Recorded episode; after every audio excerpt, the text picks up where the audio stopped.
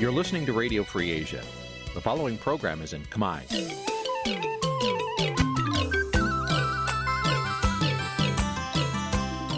Nǐ chi càm bi tiệp xáy vệt chiu a zì sáy.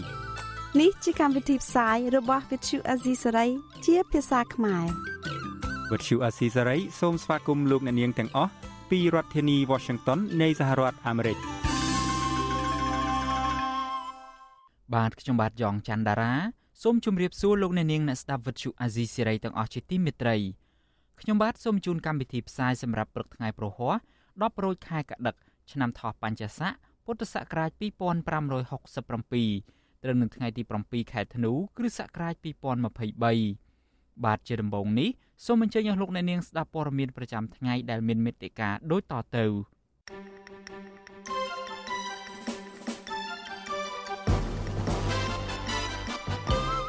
ប្រពន្ធមន្ត្រីគណៈបកភ្លើងទៀនស្នើឲ្យតុលាការខេត្តបន្ទាយមានជ័យដោះលែងប្តីគាត់មកវិញគណៈបកកម្លាំងជាតិដាក់បេក្ខជនសម្រាប់ការបោះឆ្នោតព្រឹទ្ធសភាប្រជាពលរដ្ឋនៅខេត្តព្រះវិហារចោទក្រុមហ៊ុនមួយថាធ្វើអាជីវកម្មរ៉ែដែកបង្កផលប៉ះពាល់ដីស្រែចម្ការរបស់ពួកគាត់អ្នកការពារបរិស្ថានជំរុញឲ្យពលរដ្ឋងាកមកប្រើប្រអប់ឬកែវ ដែលអាចប្រើប្រាស់បានច្រើនដង ដើម្បីកាត់បន្ថយកាកសំណល់ផ្លាស្ទិករួមនឹងព័ត៌មានសំខាន់សំខាន់មួយចំនួនទៀត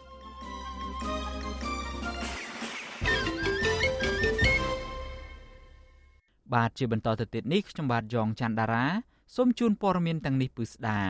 ប្រពន្ធមន្ត្រីគណៈបកភ្លើងទៀនស្នើដល់តុលាការខេត្តបន្ទាយមានជ័យ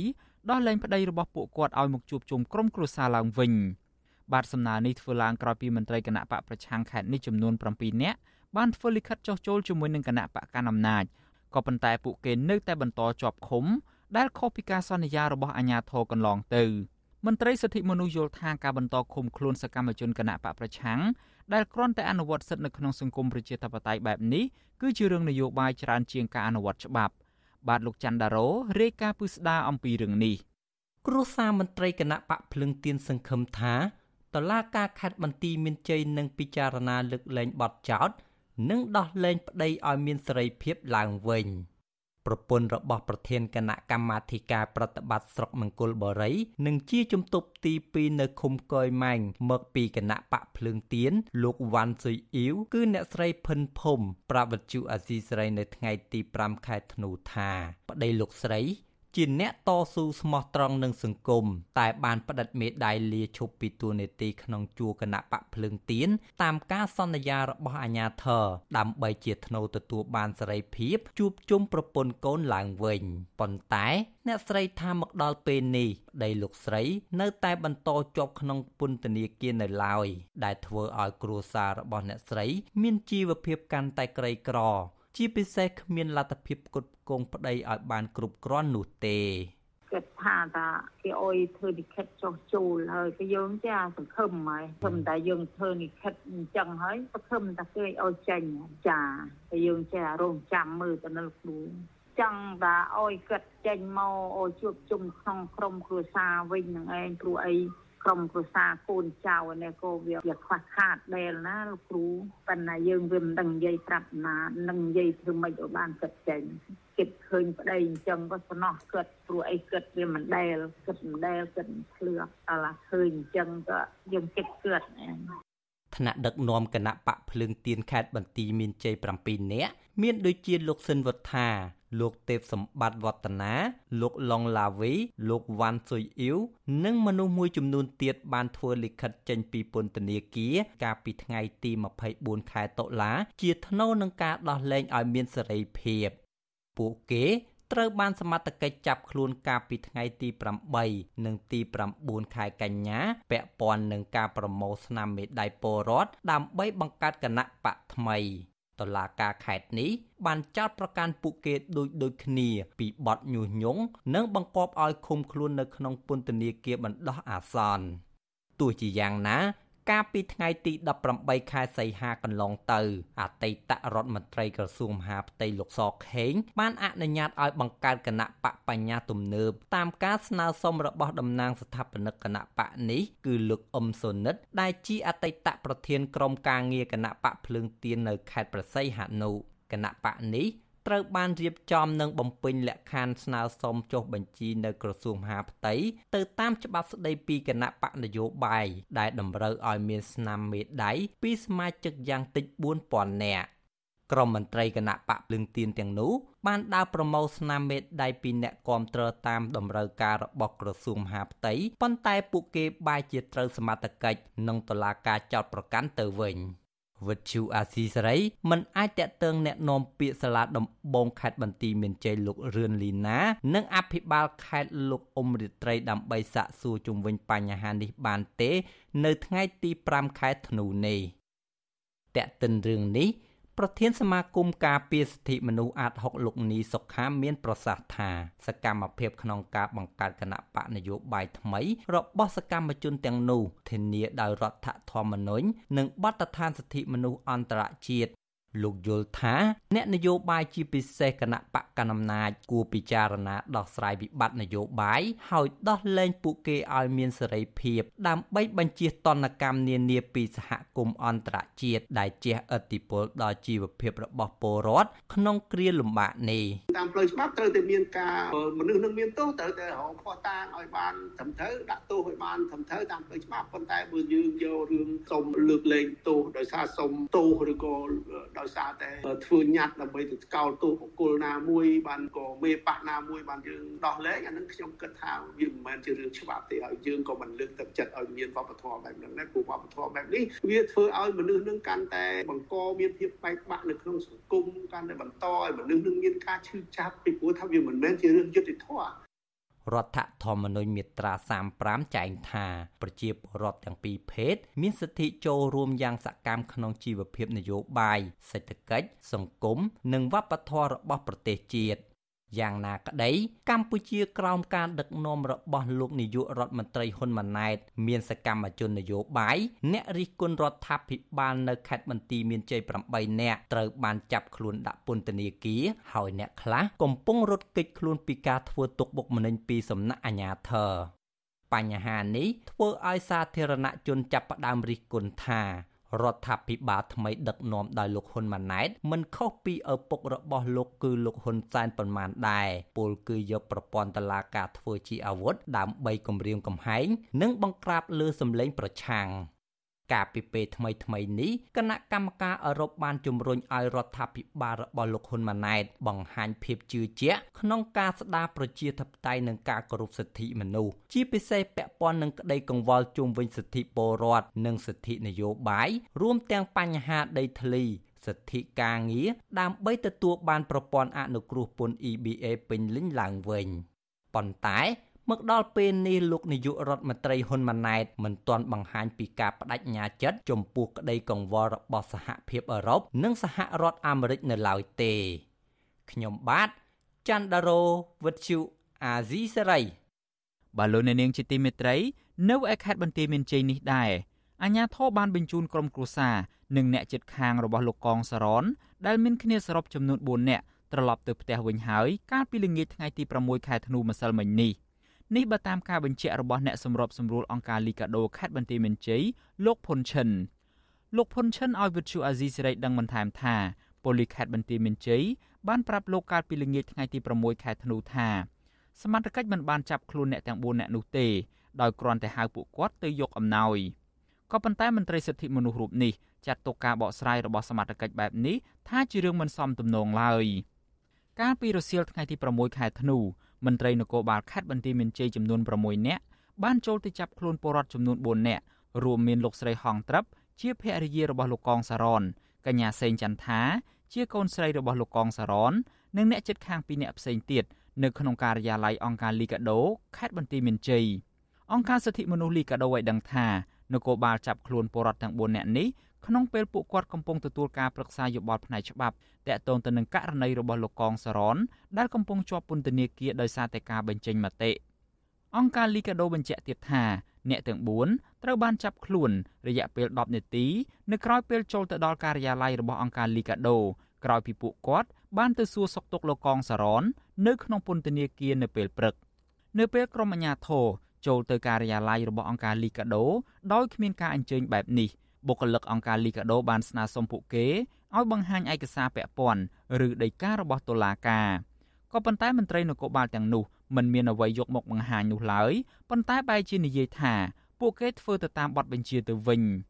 មន្ត្រីនគរបាលទាំងនោះក៏បានបញ្ជាឲ្យបុគ្គលិកលីកាដូលុបចោលរូបភាពដែលពួកគេថតបានអំពីវត្តមានរបស់មន្ត្រីនគរបាលទាំងនោះចូលទៅក្នុងបរិវេណការិយាល័យរបស់អង្គការលីកាដូដោយមិនមានលិខិតស្នាមតាមច្បាប់កម្ពុជា ការចូលទៅទីតាំងឯកជនដោយគ្មានដីកាបែបនេះរបស់អាជ្ញាធរគឺជាទង្វើរំលោភបំពានសិទ្ធិឯកជន របស់ម្ចាស់ទ្រព្យសម្បត្តិ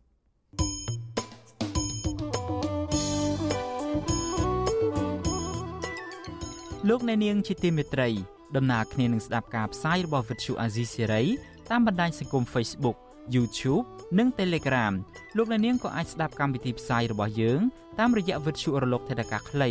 ឬក៏ Shortwave បានដែរគឺតាមកម្រិតនិងកម្ពស់ដូចតទៅនេះពេលព្រឹកចាប់ពីម៉ោង5កន្លះដល់ម៉ោង6កន្លះតាមរយៈប៉ុស SW 93.90 MHz ស្មើនឹងកម្ពស់ 32m និងប៉ុស SW 11.85 MHz ស្មើនឹងកម្ពស់ 25m ពេលយប់ចាប់ពីម៉ោង7កន្លះដល់ម៉ោង8កន្លះតាមរយៈប៉ុស SW 93.90 MHz ស្មើនឹងកម្ពស់ 32m ប៉ុស SW 11.88 MHz ស្មើនឹងកម្ពស់ 25m និងប៉ុស SW 15.15 MHz ស្មើនឹងកម្ពស់ 20m បាទសូមអរគុណ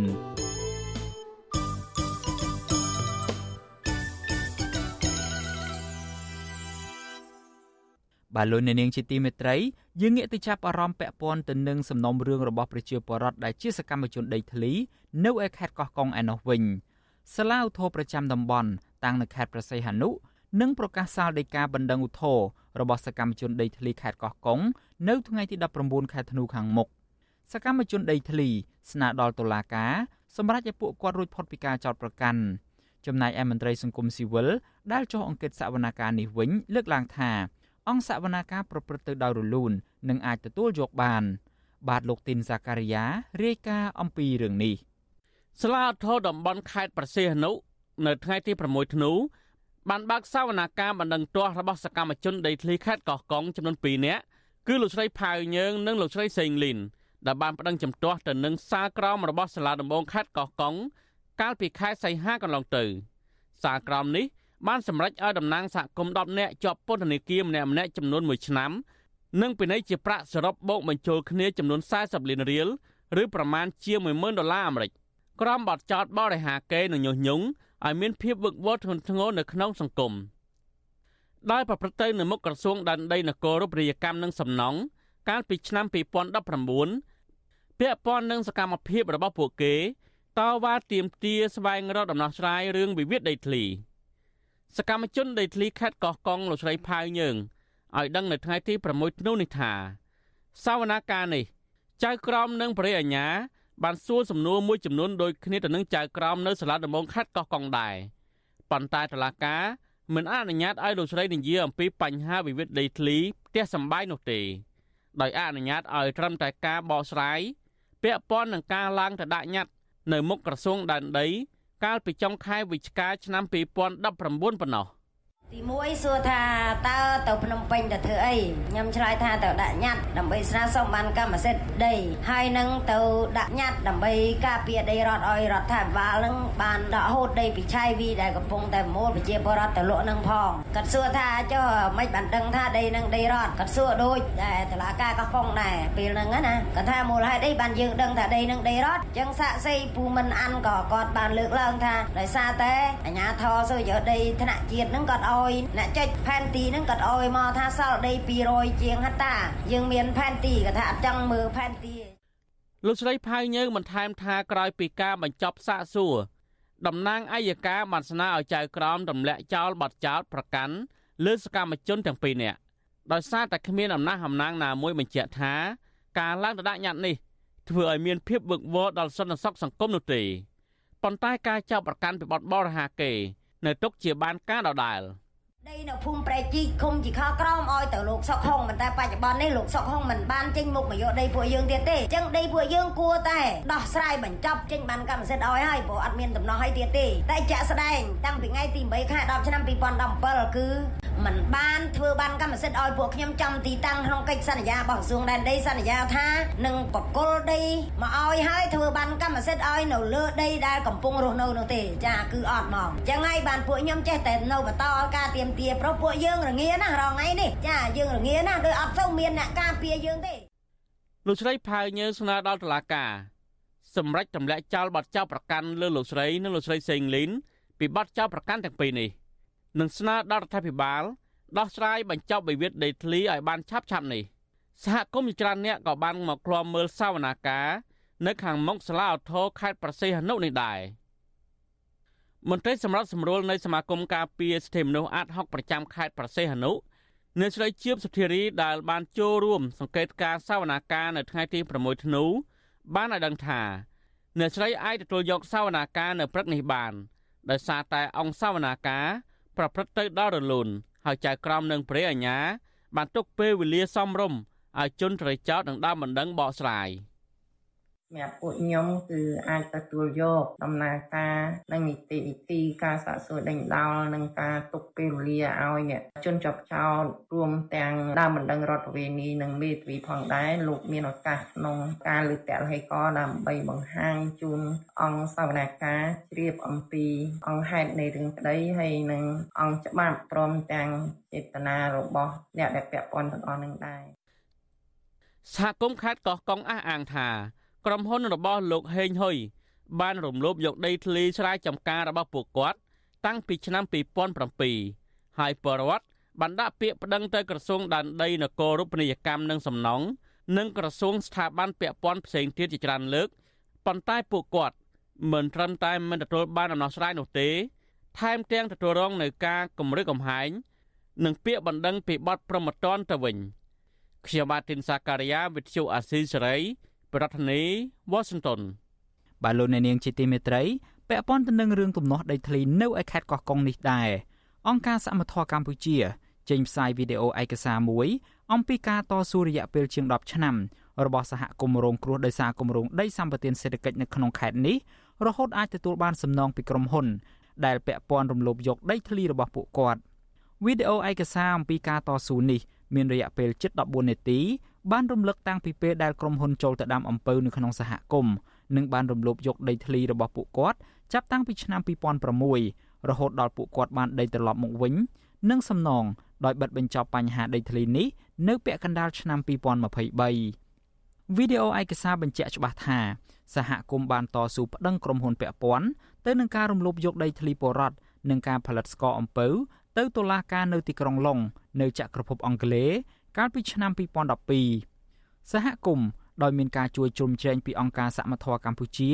និងអង្គការសិទ្ធិមនុស្សជាដៃគូជាច្រើនទៀតបានប្តឹងក្រុមហ៊ុនផលិតស្ករអំពៅចក្រភពអង់គ្លេសគឺក្រុមហ៊ុន Tate and Lyle ដែលទទួលទិញផលិតផលរបស់ក្រុមហ៊ុនថៃ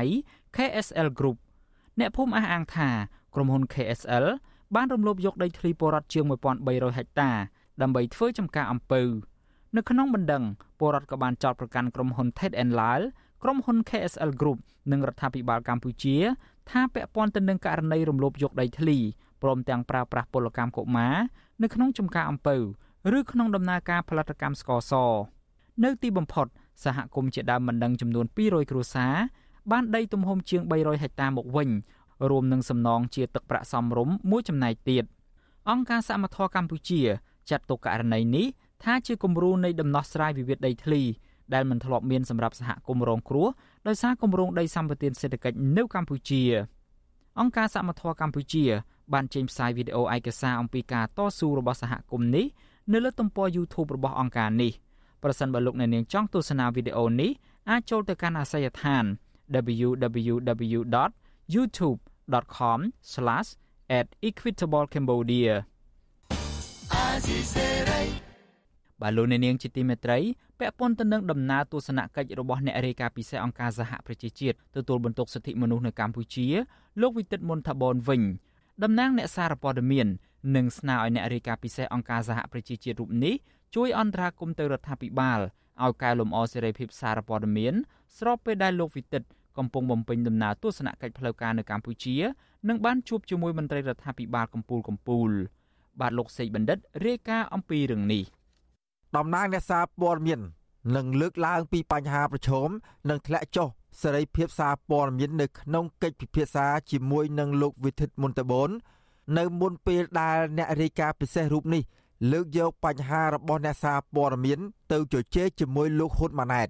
ដំណើរទស្សនកិច្ចរយៈពេល5ថ្ងៃចាប់ពីថ្ងៃទី4ដល់ថ្ងៃទី8ខែធ្នូដើម្បីជួបជាមួយរដ្ឋាភិបាល អ្នកការពារសិទ្ធិមនុស្សអង្គការសង្គមស៊ីវិល ក្រមយុវជន តំណាងការងារជនជាតិភៀតតិច អ្នកសារព័ត៌មាន និងតំណាងប្រព័ន្ធផ្សព្វផ្សាយអ្នកជំនាញអ្នកការទូតទីភ្នាក់ងារអង្គការសហប្រជាជាតិនិងភាគីពាក់ព័ន្ធផ្សេងផ្សេងទៀតនាយិកាប្រតិបត្តិនៃមជ្ឈមណ្ឌលកម្ពុជាដើម្បីប្រព័ន្ធផ្សព្វផ្សាយឯករាជ្យហៅកាត់ថា CCIM លោកស្រីឆនសគុណធា មានប្រសាសន៍ថា ការបំពេញទស្សនកិច្ចរបស់អ្នករាយការណ៍ពិសេសអង្គការសហប្រជាជាតិទទួលបន្ទុកសិទ្ធិមនុស្សនៅកម្ពុជា គឺមានសារៈសំខាន់ដែលលោកអាចពំនាំបញ្ហារបស់សកម្មជនសិទ្ធិមនុស្សសកម្មជនដីធ្លីសហជីពនិងអ្នកសារព័ត៌មានជាដើម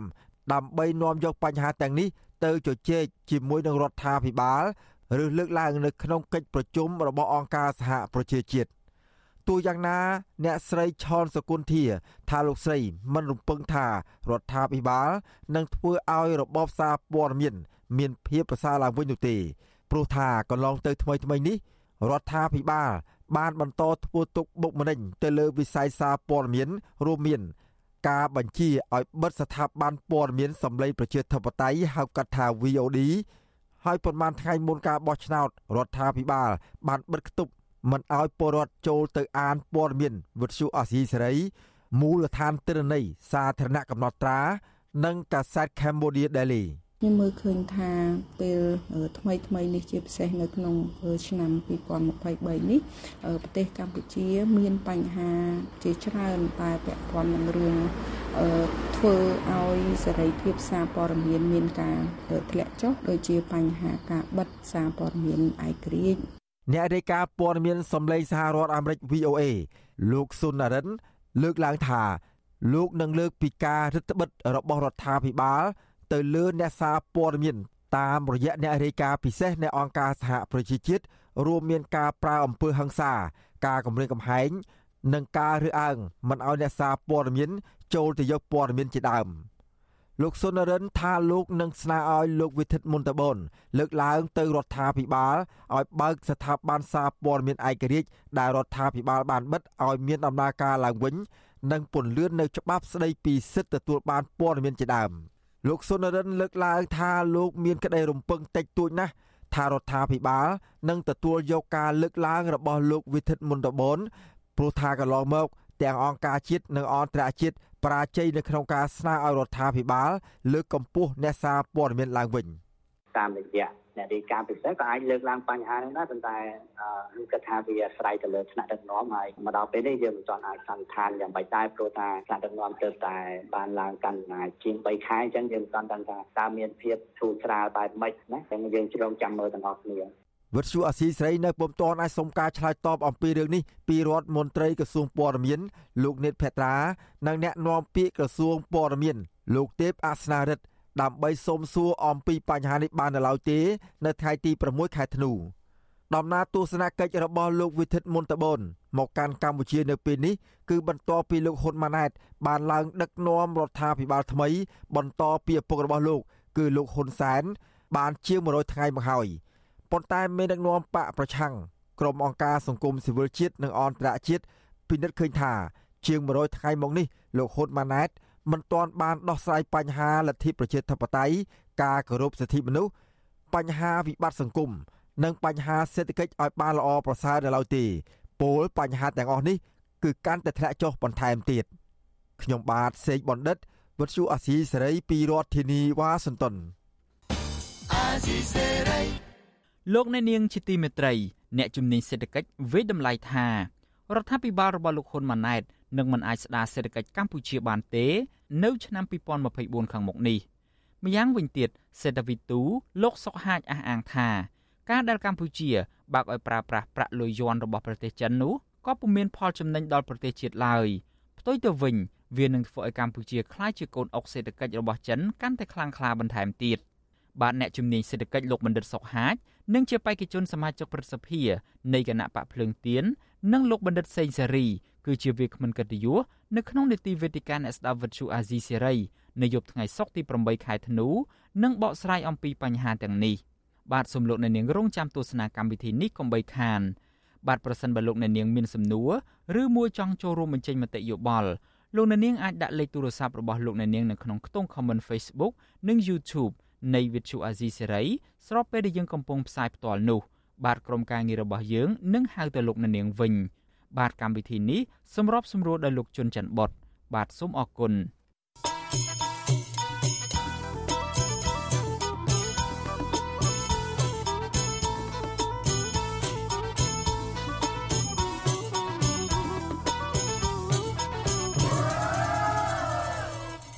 បាទលោកអ្នកនាងជាទីមេត្រី ព័ត៌មានដាច់ដライមួយទៀតតកតងទៅនឹងដំណើរធម្មយាត្រា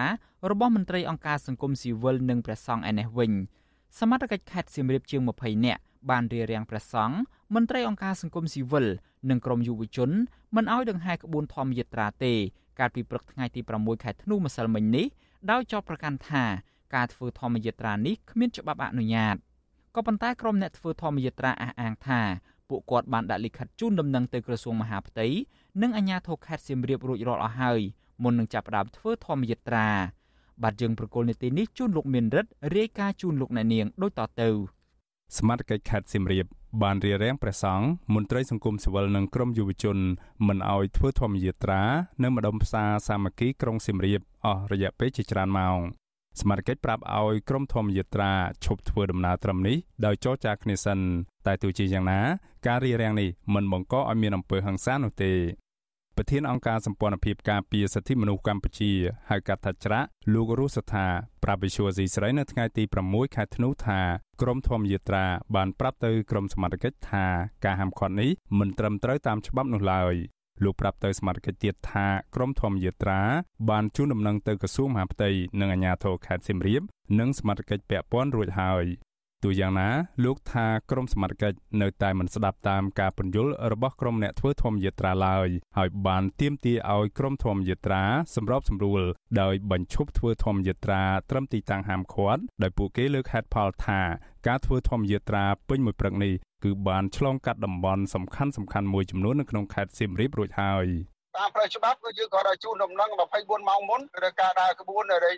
ការជួបជុំរែងតិចជាង200នាក់ហ្នឹងគឺវាសពល្មមហើយហើយដូច្នេះมันมันគួរណាដែលមកគាត់ពួកយើងទេចំណុចនៅត្រង់ហ្នឹងយើងធ្វើត្រូវច្បាប់ហើយបើគាត់យើងហើយដូច្នេះរដ្ឋចេះតែទាំងអល់សង្គមស៊ីវិលថាធ្វើមិនត្រូវច្បាប់ប៉ុន្តែយើងធ្វើត្រូវច្បាប់ហើយទៅជាគាត់យើង ព្រះសង្ឃចំនួន12អង្គមន្ត្រីសង្គមស៊ីវិលនិងក្រុមយុវជនជាង20នាក់បានធ្វើធម្មយាត្រាដើរដោយថ្មើរជើង ចេញពីទីប្រជុំជនខេត្តសៀមរាបនៅថ្ងៃទី6ខែធ្នូដើម្បីប្រារព្ធទិវាសិទ្ធិមនុស្សអន្តរជាតិនិងក្នុងគោលបំណងឲ្យពលរដ្ឋកម្ពុជាទទួលបានសិទ្ធិសេរីភាពពេញលេញ ទូយ៉ាងណាមន្ត្រីជាន់ខ្ពស់សាលាខេត្តសៀមរាបឈ្មោះសុនឆៃបានប្រាប់ក្រុមអ្នកធ្វើធម្មយាត្រាថាលោកមិនយល់ដូច្នេះទេដោយលោកបានដឹកនាំសមាជិកជាង20នាក់រៀបរៀងការធ្វើធម្មយាត្រានេះទាក់ទងនឹងករណីនេះ Visual Asia ស្រីមិនអាចសុំការបកស្រាយពីមន្ត្រីជាន់ខ្ពស់សាលាខេត្តសៀមរាបរូបនេះបាននៅឡើយទេនៅថ្ងៃទី6ខែធ្នូចំណែកឯប្រធានអង្គភិបអ្នកនាំពាក្យរដ្ឋាភិបាលលោកប៉ែនបូណាក៏ Visual Asia ស្រីមិនអាចសុំការបំភ្លឺបានដែរ ប្រធានសមាគមសម្ព័ន្ធនិស្សិតបញ្ញវន្តខ្មែរលោកកើតសរាយឲ្យដឹងថាបើទោះបីជាក្រមធម្មយាត្រាយល់ព្រមសម្របសម្រួលតាមការចង់បានរបស់សមាជិកដោយសម្រាប់នៅក្នុងភូមិសំរោងឃុំសំរោងស្រុកសូត្រនិគមខេត្តសៀមរាបក៏ដោយក៏គិតត្រឹមល្ងាចថ្ងៃទី6ខែធ្នូមានក្រុមសមាជិកមូលដ្ឋាន4នាក់មកតាមឃ្លាំមើលនិងមកសួរនាំពីចំនួនក្រុមអ្នកធ្វើធម្មយាត្រានិងថតរូបក្រុមធ្វើធម្មយាត្រាជាដើម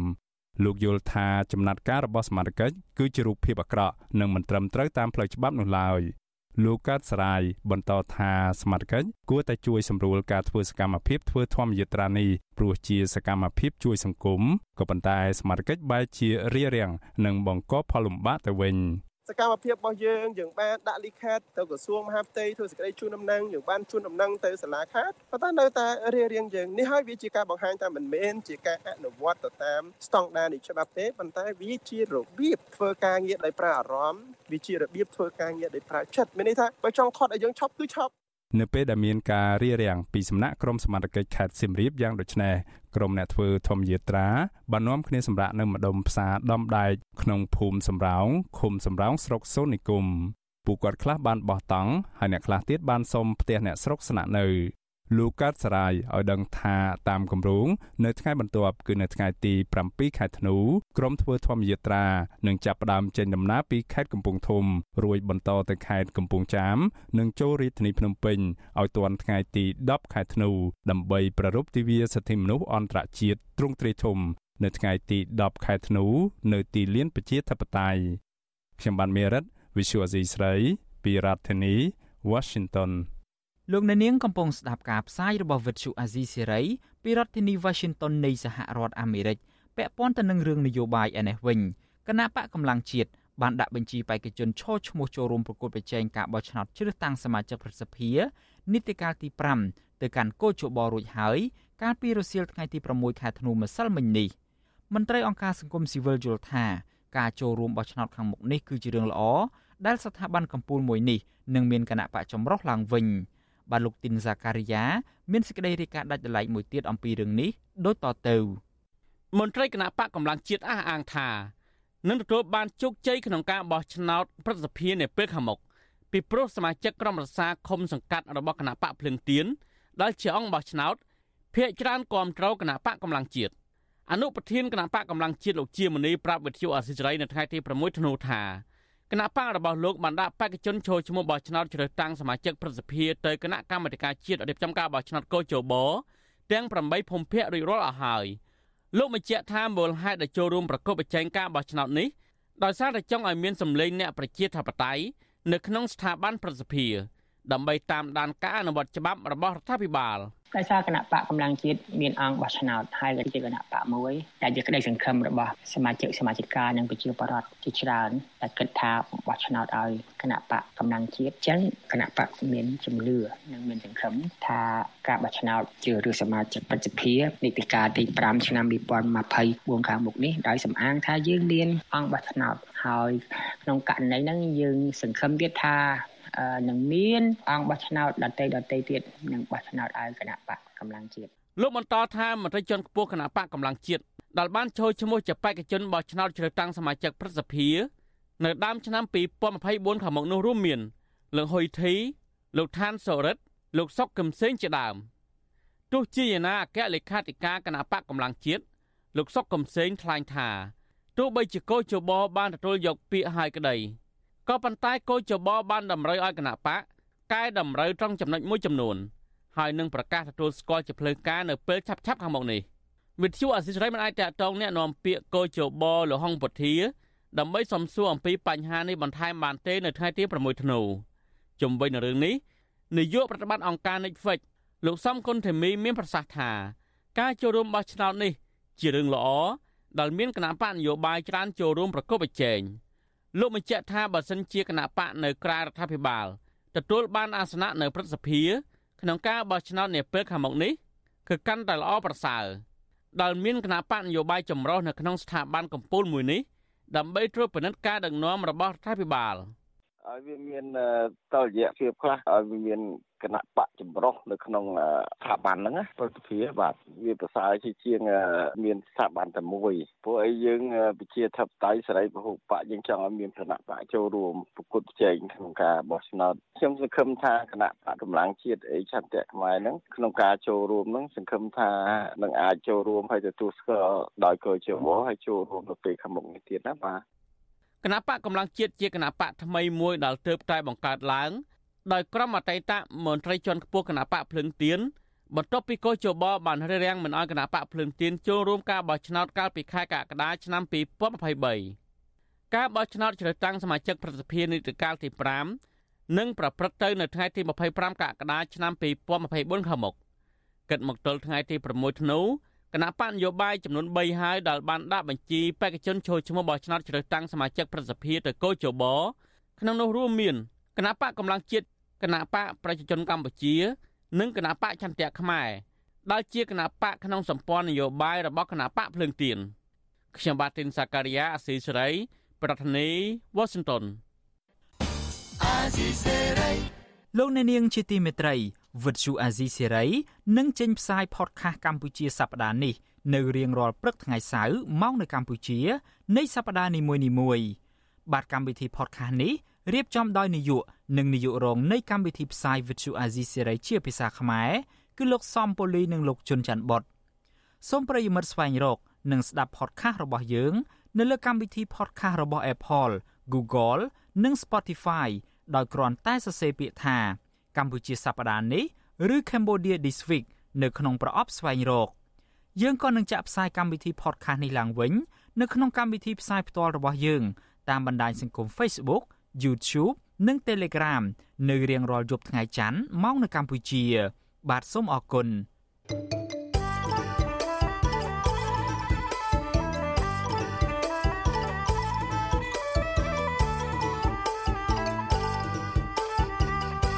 បាទលោកនាងជាទីមេត្រីពាក់ព័ន្ធទៅនឹងភាពស្អាតស្អំរបស់មន្ត្រីរាជការឯនេះវិញអ្នកខ្លាំមើលនឹងមន្ត្រីអង្គការសង្គមស៊ីវិល ជំរុញឲ្យរដ្ឋាភិបាលលុបបំបាត់អំពើពុករលួយ និងកែតម្រង់ស្ដារនីតិរដ្ឋនៅក្នុងរដ្ឋបាលថ្នាក់ក្រោមជាតិជាមុនសិនដើម្បីបង្ហាញគំរូដល់មន្ត្រីថ្នាក់ក្រោមឲ្យពង្រឹងភាពស្អាតស្អំនៅក្នុងរដ្ឋបាលសាធារណៈទៅតាមគោលនយោបាយរបស់រដ្ឋាភិបាលបាទការលើកឡើងបែបនេះគឺក្រោយពីពួកគាត់សង្កេតឃើញថាអំពើពុករលួយ បានរារាំងដំណាភាពនៃរដ្ឋបាលសាធារណៈមានឫសគល់ចេញពីមន្ត្រីនៃក្រសួងស្ថាប័ននៅថ្នាក់ជាតិ បាទយើងប្រកុលនេតិនេះជួនអ្នកស្រីសុជីវីរាយការណ៍ព័ត៌មានជូនដល់លោកអ្នកនាងអ្នកខ្លាំមើលលើកឡើងថាការដាក់ចេញនៅគោលនយោបាយលើកកម្ពស់និងពង្រឹងរដ្ឋបាលសាធារណៈរបស់លោកយមត្រីហ៊ុនម៉ាណែតនៅមិនទាន់មានលក្ខណៈពេញលេញព្រោះក្បាលម៉ាស៊ីនដឹកនាំប្រទេសមួយនេះនៅពោពេញដោយអំពើពុករលួយនៅឡើយអ្នកសិក្សាកិច្ចការសង្គមនិងនយោបាយលោកប៉ៅមករាប្រាប់វិទ្យុអាស៊ីសេរីនៅថ្ងៃទី6ខែធ្នូថា ការកែតម្រង់និងពង្រឹងភាពស្អាតស្អំនេះគួរចាប់ផ្ដើមធ្វើចេញពីអង្គភាពប្រឆាំងអំពើពុករលួយ និងស្ថាប័នកម្ពុជាជាមុនសិនព្រោះក្នុងស្ថាប័នទាំងនេះពោពេញដោយសាច់ញាតិបពពួកនិយមនិងខ្សែស្រឡាយ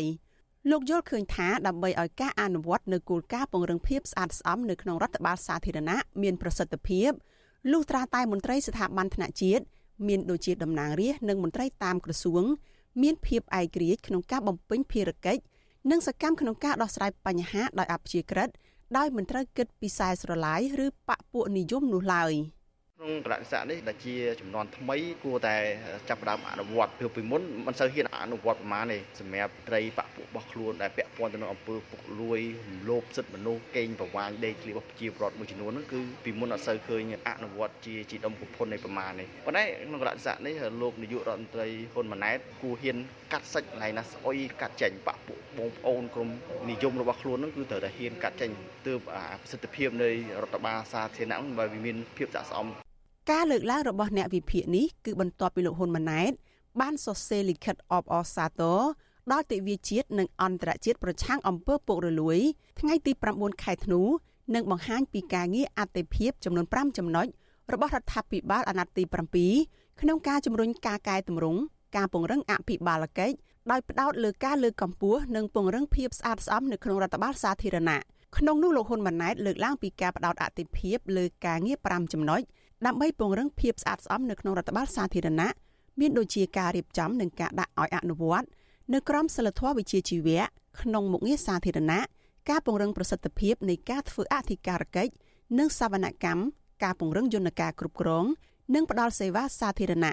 ការចាត់វិធានការមើងម៉ាត់តាមច្បាប់ក្នុងការអនុវត្តទួនាទីនិងភារកិច្ចការអនុវត្តច្បាប់យ៉ាងម៉ឺងម៉ាត់ដើម្បីបង្ក្រាបបទល្មើសអំពើពុករលួយ ការពង្រឹងកិច្ចសហប្រតិបត្តិការ រវាងអង្គភាពប្រឆាំងអំពើពុករលួយ និងស្ថាប័នសាធារណៈទោះជាបែបនេះក្តីគោលការណ៍អតិភិបទាំង5ចំណុចដែលលោកហ៊ុនម៉ាណែតអះអាងថាដើម្បីពង្រឹងភាពស្អាតស្អំនៅក្នុងរដ្ឋបាលសាធារណៈនោះនៅតាមក្រសួងស្ថាប័នធំធំនៅតែបន្តវប្បធម៌ចូលតាមខ្សែឬស្គាល់អ្នកធំដែលបង្កឲ្យមានគំរូភាពអាក្រក់ដល់រដ្ឋបាលថ្នាក់ក្រោមជាតិជាក់ស្ដែងសមាជិកគ្រួសាររបស់លោកនាយរដ្ឋមន្ត្រីហ៊ុនម៉ាណែតខ្លួនលោកផ្ទាល់ បានក្រសោបយកតំណែងនិងតួនាទីសំខាន់ៗក្នុងស្ថាប័នរដ្ឋដោយមិនបានឆ្លងកាត់ការប្រកួតប្រជែងនោះទេវិទ្យុអាស៊ីសេរីមិនទាន់អាចតាក់ទងแนะនាំពាក្យក្រសួងមុខងារសាធារណៈលោកយុគប៊ុនថា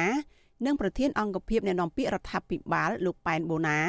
ដើម្បីសុំការបកស្រាយបានទេនៅថ្ងៃទី6ខែធ្នូតាក់ទិននៅរឿងនេះប្រធានអង្គការដំឡាភិបកម្ពុជាលោកពេជ្រពិសីយល់ឃើញថាដើម្បីពង្រឹងរដ្ឋបាលសាធារណៈ រដ្ឋាភិបាលគួរតែកែលម្អនៅចន្លោះខ្វះខាតមួយចំនួនពីថ្នាក់ជាតិដល់ថ្នាក់ក្រោមជាតិមានដូចជាលុបបំបាត់អំពើពុករលួយ ស្ដារនីតិរដ្ឋនិងការពង្រឹងសេវាសាធារណៈខ្ញុំក៏ឯកភាពដែរចំពោះការពង្រឹងអំណាចរបស់អង្គភាពប្រឆាំងពើពុករលួយនៅក្នុងការធ្វើការលើគ្រប់វិស័យ ហើយដែលយើងឃើញជាទូទៅហ្នឹងគឺកម្ពុជាយើងមានបញ្ហាតាក់ទងទៅនឹងអំពើពុករលួយខ្នាតធំពិបាកដោះដូច្នេះបើសិនជារដ្ឋាភិបាលមានគោលដៅពង្រឹងស្ថិរភាពនយោបាយពង្រឹងសេដ្ឋកិច្ចជាតិគឺជាមិនផុតពីការដោះប្រសាក់ចម្បង ជាពិសេសតាក់ទងទៅនឹងការកាត់បន្ថយនៅអំពើពុករលួយខ្នាតធំ និងការជំរុញនៅការអនុវត្តច្បាប់ហើយនីតិរដ្ឋទេមន្ត្រីសង្គមស៊ីវិលលើកឡើងថាដើម្បីពង្រឹងភាពស្អាតស្អំនៅក្នុងរដ្ឋបាលសាធារណៈ លុះត្រាតែថ្នាក់ដឹកនាំហ៊ានធ្វើជាគំរូឲ្យដូចទៅនឹងគោលការណ៍ដែលបានដាក់ចេញប្រកបដោយការទទួលខុសត្រូវដើម្បីធានាបាននូវភាពស្អាតស្អំនៅក្នុងរដ្ឋបាលសាធារណៈនៅគ្រប់លំដាប់ថ្នាក់នាងខ្ញុំសុជីវីវិទ្យុអាស៊ីសេរីពីរដ្ឋធានី Washington បាទលោកនាងជាទីមេត្រី នៅឯខេត្តព្រះវិហារឯនោះវិញប្រជាពលរដ្ឋចំនួន2ឃុំនៅក្នុងស្រុកជ័យសែនបានចោទប្រកាន់ក្រុមហ៊ុនធ្វើអាជីវកម្មរ៉ែដែកមួយដែលពលរដ្ឋមិនស្គាល់ឈ្មោះ ថាបានធ្វើឲ្យប៉ះពាល់ដល់ដីស្រែចម្ការរបស់ពួកគាត់អញ្ញាធមូលដ្ឋានអះអាងថាសកម្មភាពរបស់ក្រុមហ៊ុនមិនបានបង្កផលប៉ះពាល់ដល់ដីស្រែចម្ការរបស់ពលរដ្ឋទេបាទលោកអ្នកនាងនឹងបានស្ដាប់សេចក្តីរាយការណ៍ព័ត៌មាននេះនៅក្នុងកម្មវិធីផ្សាយរបស់យើងនៅយប់នេះបាទលោកអ្នកនាងជាទីមេត្រីនៅឯខេត្តកំពង់ធំ ដែលជាប់ព្រំប្រទល់នឹងខេត្តព្រះវិហារនេះដែរមន្ទីរបរិស្ថានខេត្តនេះបានចេញសេចក្តីប្រកាសឆ្លើយបំភ្លឺថា ពិតជាមានករណីកាប់ទន្ទ្រានដីព្រៃពិតប្រាកដមែនក៏ប៉ុន្តែអះអាងថាមិនស្ថិតនៅក្រោមសមត្ថកិច្ចរបស់ខ្លួននោះទេប្រជាសហគមន៍លើកឡើងថាអាញាធរកំពុងតែឆ្លើយយករួចខ្លួនដោយកិច្ចវេះមិនទទួលខុសត្រូវចំពោះការកាប់ទន្ទ្រានដីព្រៃទាំងអស់នោះទេ បាទលោកជីវិតារាយការណ៍ព័ត៌មាននេះជូនលោកអ្នកនាងមន្ទីរបរិស្ថានខេត្តកំពង់ធំកាលពីថ្ងៃទី5ខែធ្នូទទួលស្គាល់ថាពិតជាមានករណីកាប់ទន្ទ្រានដីព្រៃយកធ្វើជាកម្មសិទ្ធិពិតប្រាកដមែន នៅឯចំណុចអូតាឡូឃុំមានរិទ្ធស្រុកសណ្ដានខេត្តកំពង់ធំប៉ុន្តែបដិសេធថាករណីកាប់ទន្ទ្រានដីព្រៃនៅចំណុចនោះមិនស្ថិតនៅក្នុងដែនជម្រកសត្វព្រៃឡង់នោះទេ ដោយអះអាងថានៅឆ្ងាយប្រមាណ500ម៉ែត្រពីតំបន់ព្រៃឡង់សេចក្តីប្រកាសនេះធ្វើឡើងក្រោយមានសារព័ត៌មានផ្សព្វផ្សាយអំពីបណ្ដាញសហគមន៍ព្រៃឡង់ចុះល្បាតរកឃើញបទល្មើសព្រៃឈើនិងការកាប់ទន្ទ្រានដីព្រៃនៅក្នុងដែនជម្រកសត្វព្រៃឡង់ កាលពីថ្ងៃទី5ធ្នូថ្មីថ្មីនេះវិទ្យុអាស៊ីសេរីមិនអាចតាក់ទងប្រធានមន្ទីរបរិស្ថានខេត្តកំពង់ធំ លោកតបកកដាដើម្បីសុំការបកស្រាយបន្ថែមបានទេ នៅថ្ងៃទី6ធ្នូដោយទូរស័ព្ទចូលគ្មានអ្នកទទួលជុំវិញរឿងនេះអ្នកសម្របសម្រួលបណ្ដាញសហគមន៍ព្រៃឡង់ខេត្តកំពង់ធំ លោកហ៊ឿនសុភីបដែលបានចុះស្រាវជ្រាវបញ្ហានេះប្រាប់វិទ្យុអាស៊ីសេរីនៅថ្ងៃទី6ធ្នូថា បណ្ដាញសហគមន៍ព្រៃឡង់នឹងនាំអ្នកជំនាញផ្នែកផែនទីចុះទៅពិនិត្យទីតាំងនោះផ្ទាល់ម្ដងទៀតដើម្បីបញ្ជាក់ឲ្យអាជ្ញាធរពាក់ព័ន្ធបានដឹងច្បាស់លោកបន្ថែមថាប្រសិនបើទីតាំងនោះមិនមែនជាដែនជម្រកសត្វព្រៃឡង់ទេនោះមូលហេតុអ្វីបានមន្ត្រីបរិស្ថានទាំងនោះរៀបរៀងសហគមន៍មិនឲ្យចូលល្បាតនិងស្រាវជ្រាវបទល្មើសព្រៃឈើនៅតំបន់នោះលោកស្នើឲ្យអាជ្ញាធរពាក់ព័ន្ធទាំងអស់ចូលរួមជាមួយបណ្ដាញសហគមន៍ព្រៃឡង់នៅថ្ងៃខាងមុខទាំងអស់គ្នា ដើម្បីពិនិត្យឲ្យបានច្បាស់ថានរណាជាអ្នកទទួលខុសត្រូវអំពីបញ្ហានេះថាមន្ត្រីទាំងអស់នោះគឺអាចឆ្លើយបាក់សែតបានទេព្រោះជារឿងគោលការណ៍រដ្ឋាភិបាលមួយ សំបីតែនៅក្នុងតំបន់ណាក៏ជាដែនសមត្ថកិច្ចរបស់រដ្ឋាភិបាលដែរគឺនៅក្នុងច្បាប់ការកាប់បំផ្លាញដែនសមត្ថកិច្ចរបស់រដ្ឋគឺអ្នកនោះក៏ត្រូវតែមានទូឲ្យរដ្ឋតំណាងឲ្យរដ្ឋទាំងរដ្ឋបាលក្រេឈើទាំងបរិស្ថានគឺត្រូវតែមានទូនាទីចុះបង្ក្រាបប៉ុន្តែជាទូទៅគឺគ្រប់ស្ថាប័នគឺតែងតែឆ្លើយបដិសេធយករួចខ្លួនមកពេលមកពេលសិនហើយស្រដៀងគ្នានេះដែរបណ្ដាញសហគមន៍ព្រៃឡង់ខេត្តព្រះវិហារលោកខេមសុខីឲ្យដឹងថា អញ្ញាធមមិនដែលទទួលស្គាល់ថាមានបទល្មើសកើតមាននៅក្នុងតំបន់របស់ខ្លួនគ្រប់គ្រងម្ដងណាឡើយបើទោះជាសហគមន៍បានទៅដល់ទីតាំងហើយយ៉ាងណាក្តីក៏មន្ត្រីទាំងនោះមិនមានវិធានការចំពោះជនល្មើសនោះដែរលោកបន្តថាកន្លងទៅមន្ត្រីបរិស្ថានតែងតែឆ្លើយដោះសារយករួចខ្លួន និងច្រានចោលព័ត៌មានដែលសហគមន៍រកឃើញថាមានការកាប់ឈើនិងការកាប់ទន្ទ្រានដីព្រៃនៅក្នុងតំបន់ព្រៃឡង់ ហើយការឆ្លើយបដិសេធរបស់ក្រសួងនោះគឺជាលេសមួយដែលដោះសារឲ្យទៅកើតទេទោះដីនៅណាកាលណាក៏ដោយតែជាប់នៅក្នុងតំបន់របៀងរបស់ព្រៃឡង់គឺយើងត្រូវការពារមិនមែនបណ្ដេតបណ្ដោយឲ្យការកាប់ឈើកាប់ត្រៀនមានដូចចឹងទេដែនជំរកសត្វព្រៃឡង់ត្រូវបានរដ្ឋាភិបាលពង្រីកទំហំផ្ទៃដីចាប់ពី430000ហិកតាទៅ48000ហិកតា គឺមានការកើនឡើងជាង50000ហិកតា នេះបើតាមអនុក្រឹត្យរបស់រដ្ឋាភិបាល ដែលបានចេញផ្សាយកាលពីថ្ងៃទី8ខែវិច្ឆិកាបើទោះបីជារដ្ឋាភិបាលពង្រីកផ្ទៃដីធំជាងមុនយ៉ាងណាក្តីក៏តំបន់ការពារព្រៃឡង់នៅតែរងការកាប់យកឈើធំធំ និងការកាប់ទន្ទ្រានដីព្រៃយកធ្វើជាកម្មសិទ្ធិពីសំណាក់ក្រុមឈ្មួញនិងក្រុមហ៊ុនដីសម្បត្តិសេដ្ឋកិច្ចជុំវិញតំបន់នោះយ៉ាងអនាធបត័យតាក់ទងនឹងបញ្ហានេះមន្ត្រីសម្របសម្រួលគម្រោងនៃសមាគមបណ្ដាញយុវជនកម្ពុជា លោកអូតឡាទីនយល់ឃើញថាអាញាធរទទួលស្គាល់ថាមានបទល្មើសប៉ុន្តែមិនទទួលស្គាល់ខុសត្រូវចំពោះការកាប់ទន្ទ្រានដីព្រៃនិងគ្មានវិធានការច្បាស់លាស់ទៅលើជនល្មើសនោះទេលោកបន្ថែមថាអាញាធរគួរតែសិក្សាស្រាវជ្រាវនិងស្វែងរកអ្នកដែលបានប្រព្រឹត្តបទល្មើសព្រមទាំងអ្នកដែលជាប់ពាក់ព័ន្ធទាំងអស់យកមកអនុវត្តច្បាប់ ប្រសើរជាងកិច្ចវេះមិនទទួលខុសត្រូវក្នុងការការពារព្រៃឈើនៅតំបន់នោះ លោកស្នើឲ្យអាជ្ញាធរបើកចិត្តឲ្យទូលាយចំពោះបណ្ដាញសហគមន៍ព្រៃឡង់ដើម្បីសាមគ្គីរួមគ្នាទប់ស្កាត់បទល្មើសព្រៃឈើកុំឲ្យកើតមានបន្តទៀតនិងឈប់ធ្វើទុកបុកម្នេញទៅលើបណ្ដាញសហគមន៍ព្រៃឡង់ទាំង4ខេត្តបន្តទៀតអញ្ចឹងបើសិនជានៅក្នុងន័យថាចង់ការពារព្រៃឡង់ឲ្យមាននិរន្តរភាព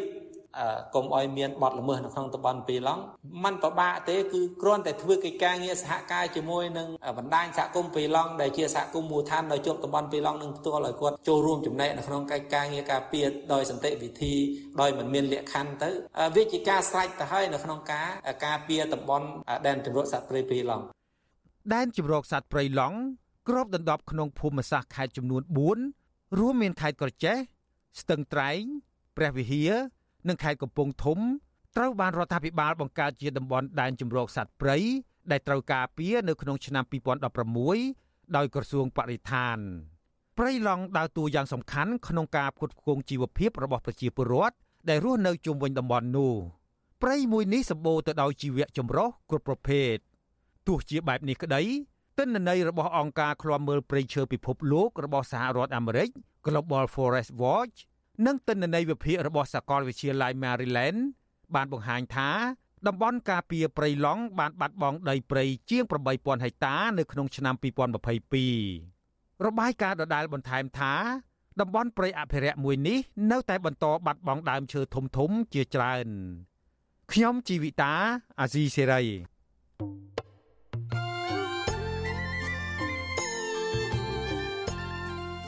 លោកអ្នកនាងជាទីមេត្រី នៅក្នុងឱកាសនេះដែរខ្ញុំបាទសូមថ្លែងអំណរគុណដល់លោកអ្នកនាងកញ្ញាទាំងអស់ដែលតែងតែមានភក្ដីភាពចំពោះការផ្សាយរបស់យើងហើយចាត់ទុកការស្ដាប់វិទ្យុអាស៊ីសេរីគឺជាផ្នែកមួយនៃសកម្មភាពប្រចាំថ្ងៃរបស់លោកអ្នកនាងគឺការគ្រប់គ្រងរបស់លោកអ្នកនាងនេះហើយដែលធ្វើឲ្យយើងខ្ញុំមានទឹកចិត្តកាន់តែខ្លាំងក្លាថែមទៀតនៅក្នុងការស្វែងរកនិងផ្តល់ព័ត៌មានជូនលោកអ្នកនាង មានអ្នកស្ដាប់អ្នកទស្សនាកាន់តែច្រើនកាន់តែធ្វើឲ្យយើងខ្ញុំមានភាពស្វាហាប់ មោះមុតជាបន្តទៅទៀតយើងខ្ញុំសូមអរគុណទុកជាមុនហើយសូមអញ្ជើញលោកអ្នកនាងកញ្ញាទាំងអស់ចូលរួមជំរុញឲ្យសកម្មភាពផ្តល់ព័ត៌មានយើងនេះកាន់តែជោគជ័យបន្ថែមទៀតលោកអ្នកនាងអាចជួយយើងខ្ញុំបានដោយគ្រាន់តែចុចចែករំលែកឬមួយក៏ Share ការផ្សាយរបស់យើងនៅលើបណ្ដាញសង្គម Facebook និង YouTube ទៅកាន់មិត្តភ័ក្តិដើម្បីឲ្យការផ្សាយរបស់យើងបានទៅដល់មនុស្សកាន់តែច្រើន បាទសូមអរគុណ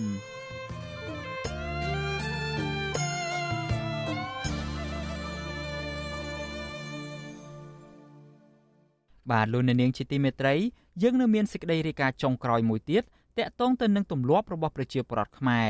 ប្រជាពលរដ្ឋមួយចំនួនធំនៅតែពេញនិយមប្រើប្រាស់កែវប្រអប់និងថង់ប្លាស្ទិកសម្រាប់វេចខ្ចប់អាហារនិងភេសជ្ជៈដែលជាមូលហេតុចម្បងនៃការកកើតសម្រាមនិងសំណល់ប្លាស្ទិក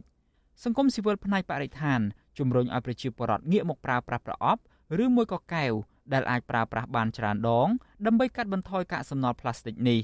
បាទអ្នកស្រីសុជីវីសូមជូនសេចក្តីរាយការណ៍ដាច់ដライមួយទៀតអំពីរឿងនេះដូចតទៅ នៅតាមដងផ្លូវមិនថាក្នុងក្រុង ឬក្រៅក្រុង ឬនៅតាមមាត់ស្ទឹងច្រាំងទន្លេឬសួនសាធារណៈនោះទេ គេសង្កេតឃើញមានសម្រាមនៅរប៉ាត់របាយដែលសម្រាមទាំងអស់នោះភាគច្រើនគឺជាប្រអប់ស្នោសម្រាប់ខ្ចប់ម្ហូបអាហារកែវជ័រដាក់ភេសជ្ជៈនិងថង់ប្លាស្ទិកជាដើមសម្រាមទាំងអស់នេះ សុទ្ធសឹងតែកើតចេញពីទម្លាប់របស់ពលរដ្ឋខ្មែរមួយចំនួន ដែលចូលចិត្តភាពងាយស្រួលនិងឆាប់រហ័សដោយការវិចខ្ចប់អាហារឬភេសជ្ជៈយកទៅបរិភោគនៅតាមកន្លែងផ្សេងផ្សេងអ្នកលក់កាហ្វេនិងចំណីអាហារនៅក្រុងបាត់ដំបងកញ្ញាសុនស្រីនិចប្រាប់វិទ្យុអាស៊ីសេរីថាអតិថិជនច្រើនទិញកាហ្វេឬចំណីអាហារពីហាងរបស់កញ្ញាភ្នាក់ច្រើនមិនចូលចិត្តទទួលទាននៅក្នុងហាងនោះទេ ដោយពួកគាត់ទាមទារឲ្យខ្ចប់នៅក្នុងប្រអប់ស្នោច្រកក្នុងកែវជ័រនិងស្រោបថង់ផ្លាស្ទិកពីក្រៅមួយជាន់ទៀតកញ្ញាសង្កេតឃើញថាសន្ទុះនៃការប្រើប្រាស់ថង់ផ្លាស្ទិកប្រអប់ស្នោនិងកែវជ័រមានតម្រូវការកាន់តែច្រើន នៅក្នុងពិធីបុណ្យជាតិឬកម្មវិធីជួបជុំដោយសារតែពលរដ្ឋភាគច្រើន បានប្រើប្រាស់ប្រអប់ស្នោឬផ្លាស្ទិកសម្រាប់ដាក់ចំណីអាហារនៅពេលដើរកម្សាន្តប៉ុន្តែនៅពេលដែលចាប់កម្មវិធី ក៏បានបន្សល់ទុកនៅគំនរសម្រាមជាច្រើនផងដែរ។ខ្ញុំមើលរួមមួយខែទូនមួយខែអត់ចំណេញទេត្រង់ថារលួយបានមកទិញតែអាកែវជូនឯងសម្រាប់បំរើអតិថិជនគាត់តម្រូវការគាត់ភាគច្រើនគឺត្រូវការតែអាកែវជូននឹងឯងបងប្រើកែវជូច្រើនអញ្ចឹងធ្វើឲ្យបរិស្ថាននឹងគ្មានសុខភាពចោលពះវាលពះការគ្មានលើយសម្ដាប់ធ្នាប់រយូរអាធុងសម្រាមនឹងមុខក៏គាត់ចោលដែរគាត់ចោលឯងបរិយពេញនឹងដាក់តាមសួនច្បារដាក់តាមស្មៅ ទោះជាយ៉ាងណាពលរដ្ឋខ្មែរមួយចំនួនហាក់ញៀនទៅនឹងការប្រើប្រាស់ផ្លាស្ទិកដោយមិនដឹងខ្លួនក្នុងជីវភាពរស់នៅប្រចាំថ្ងៃទៅហើយដោយសារតែពួកគាត់ចាត់ទុកថាជាសម្ភារៈសាមញ្ញតម្លៃថោកប្រើតែម្ដងអាចបោះចោលក៏បានកត្តាទាំងនេះហើយបានធ្វើឲ្យបញ្ហាសម្រាមនៅតែជាវិបត្តិសង្គមដ៏រ៉ាំរ៉ៃមួយដែលរដ្ឋាភិបាលនៅតែមិនអាចដោះស្រាយបាននិងចោទជាចម្ងល់ថា កម្ពុជាជាប្រទេសតូច និងមានប្រជាជនតិច ប៉ុន្តែហេតុអ្វីកម្ពុជាមានសម្រាមច្រើនម្ល៉េះអ្នកលក់កាហ្វេចល័តម្នាក់នៅភ្នំពេញលោកជីវវែងសៀងរៀបរាប់ថាអតិថិជនតិចតួចប៉ុណ្ណោះដែលប្រើប្រាស់ដបផ្ទាល់ខ្លួនសម្រាប់ដាក់ភេសជ្ជៈដោយជៀសវាងមិនប្រើកែវផ្លាស្ទិកអ្នកលក់កាហ្វេចល័តតាមម៉ូតូរូបនេះរៀបរាប់ថាលោកមិនលើកទឹកចិត្តឲ្យអតិថិជនប្រើប្រាស់កែវផ្លាស្ទិកដែលអ្នកលក់ខ្ចប់ឲ្យនោះទេព្រោះលោកសង្កេតឃើញថាសម្រាប់នៅទីសាធារណៈឬតាមសួនច្បារ ភ ieck ច្រើនសុទ្ធសឹងតែជាកៅភេសជ្ជៈដែលអ្នកផឹកទុកចោលលោកជំរុញឲ្យពលរដ្ឋគួរផ្លាស់ប្តូរទម្លាប់ប្រើប្រាស់ដបផ្ទាល់ខ្លួនវិញដើម្បីកាត់បន្ថយការប្រើប្រាស់ផ្លាស្ទិកដែលបង្កទៅជាសម្រាម និងប៉ះពាល់ដល់បរិស្ថាន បើសិនជាប្រជាជនយើងអាចគាត់មានកំណត់ថាគាត់ចង់យកបបមកខ្លួនឯងឬក៏គាត់អត់ចង់បំផ្លាញបរិស្ថានទេគឺល្អបងជាទូទៅទៅសាលាល្អជាងយើងវ័យចំណាស់វ័យចំណាស់ពេលខ្លះគាត់ហូបហើយគាត់បោះចោលនៅកណ្ដាលផ្លូវអញ្ចឹងទៅក៏មានបើសម្រាប់បើសម្រាប់គឺវ័យគាត់នៅជាសិស្សហើយឬនិស្សិតពីច្រើនគាត់យកដបមកខ្លួនគាត់ខ្ញុំដាក់កែវឲ្យក៏គាត់អត់ព្រមដែរគាត់គាត់ដាក់ចូលដបគាត់បែបបងគឺល្អខ្ញុំចង់បានបែបហ្នឹងបច្ចុប្បន្ននេះមានអាជីវករនិងហាងលក់អាហារមួយចំនួនតូចប៉ុណ្ណោះ ដែលបានចាប់ផ្ដើមគិតគូរពីបញ្ហាសម្រាមផ្លាស្ទិកតាមរយៈការបញ្ចុះតម្លៃពិសេសដល់អតិថិជន ដែលយកប្រអប់ឬដបសម្រាប់ដាក់អាហារនិងភេសជ្ជៈមកតាមខ្លួនអ្នកលក់កាហ្វេម្នាក់ទៀតនៅខេត្តសៀមរាបលោកនីស័យយល់ស្របថាសម្រាប់នៅទីសាធារណៈភ ieck ច្រើនគឺជាកែវភេសជ្ជៈនិងប្រអប់ស្នោសម្រាប់ដាក់ប្រហិតឬចំណីអាហារលោកប្រាប់ថាដោយសារតែបញ្ហាសម្រាមទាំងនេះហើយទើបលោកខិតខំរកវិធីដើម្បីតាក់ទាញឲ្យអតិថិជន ងាកមកទទួលទានអាហារនិងផឹកកាហ្វេនៅនឹងកន្លែងដែលអ្នកលក់រៀបចំឲ្យជំនួសវិញវា50 50បងមានទាំងញ៉ាំនៅនឹងហើយនឹងស្ដាប់បងវិទ្យុអាស៊ីសេរីនៅមិនទាន់អាចតាក់ទងแนะនាំពាក្យក្រសួងបរិស្ថានលោកផៃប៊ុនឈឿនដើម្បីសុំការបកស្រាយជុំវិញបញ្ហានេះបានទេនៅថ្ងៃទី5ខែធ្នូបើតាមក្រសួងបរិស្ថានបច្ចុប្បន្ននេះថង់ផ្លាស្ទិកប្រមាណ10លានថង់ ត្រូវបានប្រើប្រាស់ជារៀងរាល់ថ្ងៃនៅក្នុងក្រុងភ្នំពេញខណៈដែលប្រជាពលរដ្ឋកម្ពុជាម្នាក់ម្នាក់ដែលរស់នៅក្នុងទីក្រុងប្រើប្រាស់ថង់ផ្លាស្ទិកមិនតិចជាង2000ថង់នៅក្នុងមួយឆ្នាំឡើយរបាយការណ៍ក្រសួងបរិស្ថានកាលពីដើមឆ្នាំ2023បង្ហាញថាក្នុងមួយថ្ងៃកម្ពុជាបង្កើតសម្រាមឬកាកសំណល់ប្រមាណជាង10000តោនបើគិតជាមធ្យមក្នុងមួយឆ្នាំមួយឆ្នាំប្រទេសកម្ពុជាមានសម្រាមប្រហែល4លានតោន ហើយបន្តកើនឡើងពី10ទៅ12%ពីមួយឆ្នាំទៅមួយឆ្នាំក្នុងនោះមានសំណល់ពី60ទៅ65%ជាសំណល់សរីរាង្គ20%ជាសំណល់ផ្លាស្ទិកនិងប្រមាណ10%ជាសំណល់រឹងចំណែកតារាងបង្ហាញពីកម្រិតរយៈពេលនៃការបំបែកធាតុរបស់ផលិតផលផ្លាស្ទិករបស់ក្រសួងបរិស្ថានបង្ហាញថាថង់ផ្លាស្ទិកត្រូវការរយៈពេលរំលាយប្រមាណពី10ទៅ20ឆ្នាំកែវផ្លាស្ទិកចំណាយពេល30ឆ្នាំ បំពង់បឺតផ្លាស្ទិកចំណាយរយៈពេល200ឆ្នាំនិងដបផ្លាស្ទិកត្រូវចំណាយពេល450ឆ្នាំតែកតិនរឿងនេះប្រធានផ្នែកកម្មវិធីស្រាវជ្រាវនឹងតស៊ូមតិនៃសមាគមបណ្ដាញយុវជនកម្ពុជា លោកហេងកំហុងយល់ថារដ្ឋាភិបាលត្រូវមានយន្តការនិងគោលនយោបាយតឹងរឹងមួយចំនួន ក្នុងការកាត់បន្ថយសំណល់ផ្លាស្ទិកក្នុងនោះរួមមាន ការគ្រប់គ្រងកាកសំណល់ឲ្យបានល្អការបង្កើនការអប់រំណែនាំឬផាកពិន័យពលរដ្ឋណា ដែលចោលសម្រាមផ្ដេសផ្ដាសជាពិសេសគឺការដំឡើងពន្ធលើផលិតផលផ្លាស្ទិកទាំងនោះគោលនយោបាយតឹងរឹងកន្លែងនេះមិនមែនមានន័យថាទៅរដ្ឋបិទមិនឲ្យប្រើប្រាស់ក្នុងរូបភាពណាមួយដែលជាច្បាប់ទម្លាប់ក្នុងការតាក់ខានដោយផ្ទាល់ទេបាទគឺជាការជំរុញនិងលើកកម្ពស់តាមរយៈការដាក់ចេញនូវគោលនយោបាយដំឡើងពន្ធការដាក់ចេញនូវគោលនយោបាយបន្តឹងកុំឲ្យមានការប្រើប្រាស់ងាយស្រួលពេកឬក៏ការប្រើប្រាស់ ជាចំហនៅតាមទីសាធារណៈដែលมันមានការត្រួតពិនិត្យឬក៏តម្លៃវាថោកពេកដែលធ្វើឲ្យងាយស្រួលក្នុងការទិញបាទច្បាប់ស្តីពីការគ្រប់គ្រងសម្រាមសំណល់រឹងនៅទីប្រជុំជនដែលកំណត់ឲ្យមានការផាកពិន័យជាប្រាក់ចាប់ពី10000រៀលដល់200,000រៀលនិងប្តឹងដល់តុលាការចំពោះជនណាដែលចោលសម្រាមមិនបានត្រឹមត្រូវប្រជាពលរដ្ឋស្រឡាញ់បរិស្ថាននិងមន្ត្រីអង្គការសង្គមស៊ីវិលយល់ឃើញថា បញ្ហាសម្រាមមិនមែនជារឿងតូចតាចនោះទេប៉ុន្តែវិបត្តិសង្គមមួយនេះធ្វើឲ្យប៉ះពាល់ដល់សេចក្តីថ្លៃថ្នូរនៅក្នុងសង្គមជាតិនិងសោភ័ណភាពបរិស្ថានពួកគាត់ស្នើឲ្យអាជ្ញាធរនិងប្រជាពលរដ្ឋគួររួមគ្នាទប់ស្កាត់ការប្រើប្រាស់ថង់ប្លាស្ទិកដោយការដំឡើងពន្ធនិងបង្កើនការអប់រំដល់ប្រជាពលរដ្ឋឲ្យបានយល់ដឹងពីផលប៉ះពាល់នៃសម្រាមទៅលើបរិស្ថាននាងខ្ញុំសុជីវីវិទ្យុអាស៊ីសេរី ពីរដ្ឋធានី Washington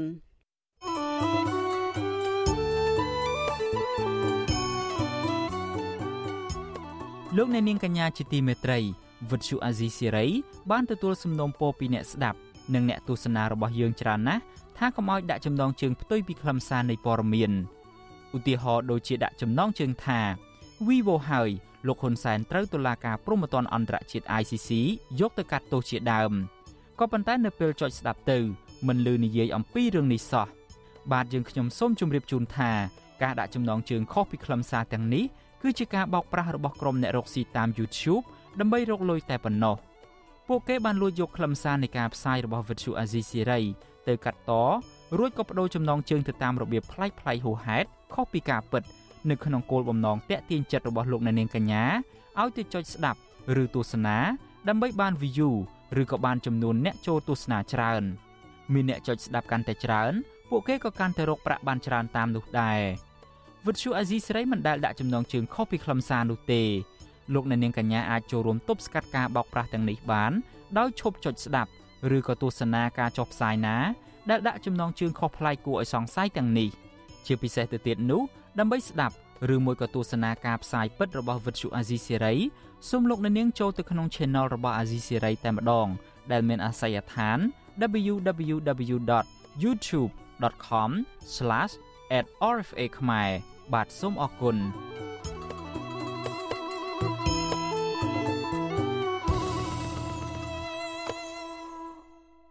លោកអ្នកនាងជាទីមេត្រី ការផ្សាយរយៈពេល1ម៉ោងរបស់ Vuthu Azizi Serai នៅព្រឹកនេះចប់ត្រឹមតែប៉ុណ្ណេះយើងខ្ញុំសូមជូនពរដល់លោកអ្នកនាងព្រមទាំងក្រុមគ្រួសារទាំងអស់ឲ្យជួបប្រកបតែនឹងសេចក្តីសុខចម្រើនរុងរឿងកុំបីឃ្លៀងឃ្លាតឡើយខ្ញុំបាទយ៉ងច័ន្ទដារាព្រមទាំងក្រុមការងារទាំងអស់នៃ Vuthu Azizi Serai សូមអរគុណនិងសូមជម្រាបលា